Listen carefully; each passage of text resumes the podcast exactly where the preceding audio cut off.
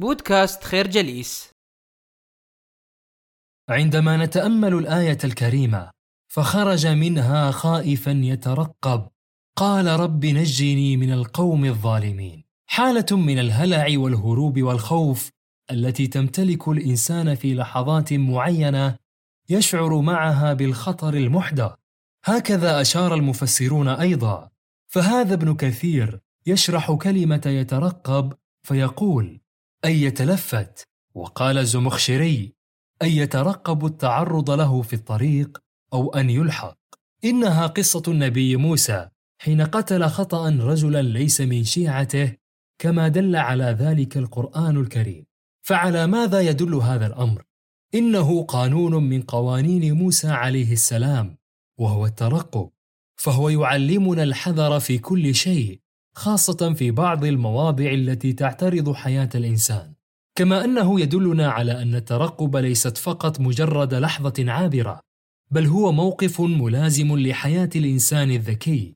فهو يترقب كل شيء ويقرأ الواقع قراءة موضوعية لا يجعله ينغمس في التفاؤل المطلق كما لا يجعله ضحية للسلبية والعدمية المطلقة. لقد علمنا موسى عليه السلام بأن الترقب ضروري في حياة الإنسان وأن استعماله ضروري حينما تقتضي الأمور ذلك. وفي قصة أخرى تحكي لنا قصة الحذر لكن من منظور آخر. إنها قصة أصحاب الكهف أو قصة الفتية الذين آووا إلى الكهف هاربين من بطش قومهم بعد أن ضيقوا عليهم واضطهدوهم بسبب ميولاتهم الدينية. قال الله تعالى وليتلطف ولا يشعرن بكم أحدا. فهؤلاء الفتية بعد أن قاموا من نومهم العميق أرسلوا أحدهم لجلب طعام من السوق وطلبوا منه الحذر حتى لا يشعر بوجوده أو وجودهم أحد. وإذا تأملنا في التلطف سنجده من أعظم تجليات الترقب والحذر. لهذا لا بد من أخذ الحيطة والحذر في الحياة ولا يجب أن يكون الإنسان لا مباليا أو متهورا عديم المسؤولية في معالجته أو تعامله مع بعض الأحداث والمواقف. فالذكاء مطلوب وحسن التعامل مرغوب وخفة الحركة واجبة حتى لا تثير سخط الآخرين أو مشاكلهم. وكذلك كان النبي صلى الله عليه وسلم في ليلة الهجرة النبوية إلى المدينة. فبعد أن علم بمؤامرة قريش أخذ بالأسباب وطلب من علي بن أبي طالب النوم في مكانه تلك الليلة وهي قمة الحذر والتوجس. الفكرة الترقب ضروري حينما تحتاج الأمور ذلك والحذر مطلوب في مختلف المواقف كما دل على ذلك القرآن الكريم. إذا تأملنا في قوله تعالى ولما ورد ماء مدين وجد عليه أمة من الناس يسقون. ووجد من دونهم امرأتين تذودان. قال ما خطبكما؟ قالتا لا نسقي حتى يصدر الرعاء وأبونا شيخ كبير. نجد فيها قصة موسى عليه السلام وهو في حالة من الذعر والخوف هاربا من بطش فرعون. وبعد أن اتجه إلى مدين يجد هناك امرأتين لا حول لهما ولا قوة لا تستطيعان أن تسقيا. بعد أن أخبرتاه أن أبيهما شيخ كبير. ما خطبكما؟ سؤال يبدو بسيطا في تركيبته ولكنه كان من رجل منهك القوى خائف من بطش فرعون الذي أهدر دمه ومع ذلك يتجشم كل هذا العناء النفسي والجسدي ويسأل امرأتان ضعيفتان وسط قوم لا يهتمون لأمرهما. هي أكبر من قصة فالدرس هو أن الإنسان كما موسى عليه السلام لا بد أن يتناسى في بعض الأحيان آلامه وهمومه ومشاكله وقضاياه ويقدم المساعدة لمن هو أضعف منه. إنه الإيثار.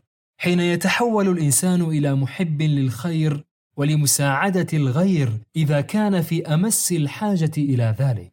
كما تعلمنا القصة أيضا أنه في اللحظة التي يكون فيها الإنسان منهك القوى أو ضعيفا ضعفا انسانيا عابرا. لا يجب أن يكسل أو يفتر على أن يقول كلمة تبدو بسيطة لدى الآخرين في حين أنها مؤثرة في اعتقاد من حوله. يعشق الناس التباكي حين تصادفهم في هذه الحياة مجموعة من المعيقات فيبدأون بالشكوى وملء المحيط القريب والبعيد بالأفكار السلبية والشكوى المحبطة. ولكن كل ذلك لا يأتي بخير ما دام الإنسان ساقطا في شباك السلبية القاتلة والأشخاص السامين. وقصة موسى عليه السلام تعلمنا درسا آخر لا بد من الانتباه إليه. فهي تؤكد على أن موسى عليه السلام هو من بادر الفتاتان بالسؤال ما خطبكما؟ ولم ينتظر منهما أن يسألاه ولا أيضا هو بادر الناس بالحديث عن قصته أو مشكلته. لا تنتظر من الآخرين أن يبادروك بالسؤال. هذا هو الدرس الكبير. فحينما تشعر أن هناك من هو في حاجة إلى دعمك أو مساعدتك فلا تبخل وبدل التباكي لا بد من خلق المبادرة. هكذا كانت سيرة الأنبياء عليهم السلام وهكذا كانت سيرة صحابة رسول الله صلى الله عليه وسلم. فهذا عمر بن الخطاب الصحابي الجليل وثاني الخلفاء الراشدين كان يبكي من أجل الآخرين حتى لو لم يكن هناك ما يدعوه لذلك. هذا ما يجب أن نتذكره ما خطبكما؟ شعار من يريد أن يحول حياته وحياة الناس إلى أحسن صورة. الفكرة. الآلام والهموم. لا يجب أن تمنع الإنسان من تقديم يد المساعدة ومبادرة الناس ومساعدتهم أفضل بكثير من التباكي. هناك قوانين تحكم هذا العالم وهذا الوجود والناس في غفلة عنها. ولننظر إلى قوله تعالى فسقى لهما ثم تولى إلى الظل فقال رب إني لما أنزلت إلي من خير فقير. عادة الإنسان لما يسدي معروفا أو يقدم خدمة يحب بشكل كبير أن يكون مثار الحمد والمدح والشكر. تلك طبيعة الإنسان المجبول عليها وقليلون هم من يحاولون تجاوزها. فهذا موسى بعد أن سقى للفتاتين لم يبحث عن المقابل ولم يبحث عن الشكر. كان يعتبر بأن ما قام به هو الواجب الذي يجب أن يقوم به في ظل واقع لا يكترث لضعفهما. والتولي إلى الظل ليس هروبا من الواقع وليس خجلا منه. إنه اعتراف بالواجب الأخلاقي لكل واحد منا في هذا الوجود فلا بد أن نعمل ونجتهد دون أن ننتظر المقابل وإلا لضاع الأجر.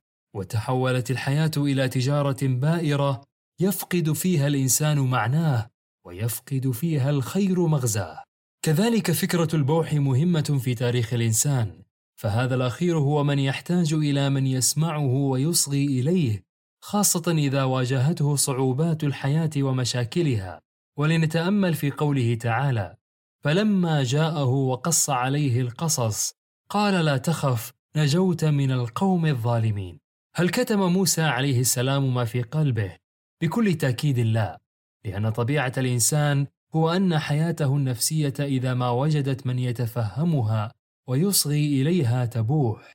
لحظة البوح مهمة في حياة الإنسان لأنها ترغب بأن يستمع إليها هذا الآخر وكذلك هو محاولة لأخذ الرأي الآخر والاطلاع عليه خاصة حينما نمر بأزمات نفسية وأحداث لها الوقع الكبير على نفوسنا. قال لا تخف نجوت من القوم الظالمين.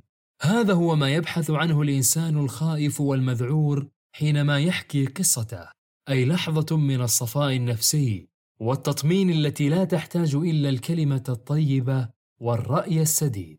وهذا هو الدرس إذا كان الإنسان في لحظة من لحظات الضعف البشري يقص حكايته أو قضيته. فليكن المستمع أيضا رؤوفا ورحيما ليبدد كل هذا الهلع والخوف. الفكرة عمل الخير لا ينبغي أن يكون دوما بمقابل والبوح هو بحث عن الأمان من الخوف المحيط. الإنسان كائن اجتماعي هذه حقيقة تاريخية وطبيعية فلا أحد ينكر أهمية الجماعة بدءا من الأسرة وصولا إلى القبيلة أو الدولة. هذا هو الواقع الإنساني بكل تفاصيله. قال تعالى فلما قضى موسى الأجل وسار بأهله آنس من جانب الطور نارا قال لأهله امكثوا إني آنست نارا. أن يعيش الإنسان بجانب أهله ومع أهله هذا أمر طبيعي. فليس الإنسان في نهاية المطاف إلا كائنا يحيا وسط الجماعة. لهذا كانت الوحدة نوعا من العذاب. لكن ما معنى أمكثوا؟ لكي نفهم المكوث لابد من الإشارة إلى أن الله تعالى حث على الزواج وتأسيس الأسر لغاية عظيمة وهي السكينة والمودة بين الأزواج. وأهل الإنسان هم المحيطون به ممن يخشون عليه ويخشى عليهم. وطلب موسى عليه السلام أهله بالمكوث في المكان. فيه إشارة عظيمة لذلك الأب الذي يطلب من أهله البقاء في المكان. وتحمل المسؤولية والمخاطر لوحده. فالأهل هم الأمان ولا يمكن أن يخاطر بهم الإنسان. وفيه توجيه رباني لكيفية التعامل مع الأسرة. فتماسكها هو من يصنع المجتمع الفاضل والإنسان المسؤول. وفي غيابها يتهدم كل شيء ولا يبقى معنى للحياة. كذلك يحتاج الإنسان في هذه الحياة إلى دعامات وأسندة يستند إليها عند الحاجة. وحينما تضيق به الأرض بما رحبت الإنسان كائن ضعيف لهذا يحتاج إلى عصا. وما تلك بيمينك يا موسى؟ قال هي عصاي أتوكأ عليها وأهش بها على غنمي ولي فيها مآرب أخرى. العصا ليست خشبة تساعد الإنسان على المشي أو الرعي. هي أكبر بكثير إذا تأملنا مثال موسى. إذ الإنسان في هذه الحياة لابد أن يكون مسنودا بدعامات يحقق من خلالها مآربه وحاجياته. فقد تكون أسرة صالحة تعينك على نوائب الدهر أو مهارة تحقق من خلالها ذاتيتك ووجودك الفعلي. إن فعل الاتكاء مهم في هذا السياق. فما أحوجنا إلى عصا موسى تعيننا على خوض غمار هذه الحياة ومصاعبها؟ ومن لا يملك عصا. تخور قواه عند أول منعطى. لذلك من لا يمتلك عصا فليملك ما يحقق رغباته وطموحاته وهدايته في هذه الدنيا الفانية. الفكرة الأمر بالمكوث فيه توجيه رباني للحفاظ على الأسرة. والعصا هي ما يتكئ عليه الإنسان في الحياة لتحقيق مآربه. نشكركم على حسن استماعكم. تابعونا على مواقع التواصل الاجتماعي لخير جليس. كما يسرنا الاستماع لآرائكم واقتراحاتكم. ونسعد باشتراككم في البودكاست.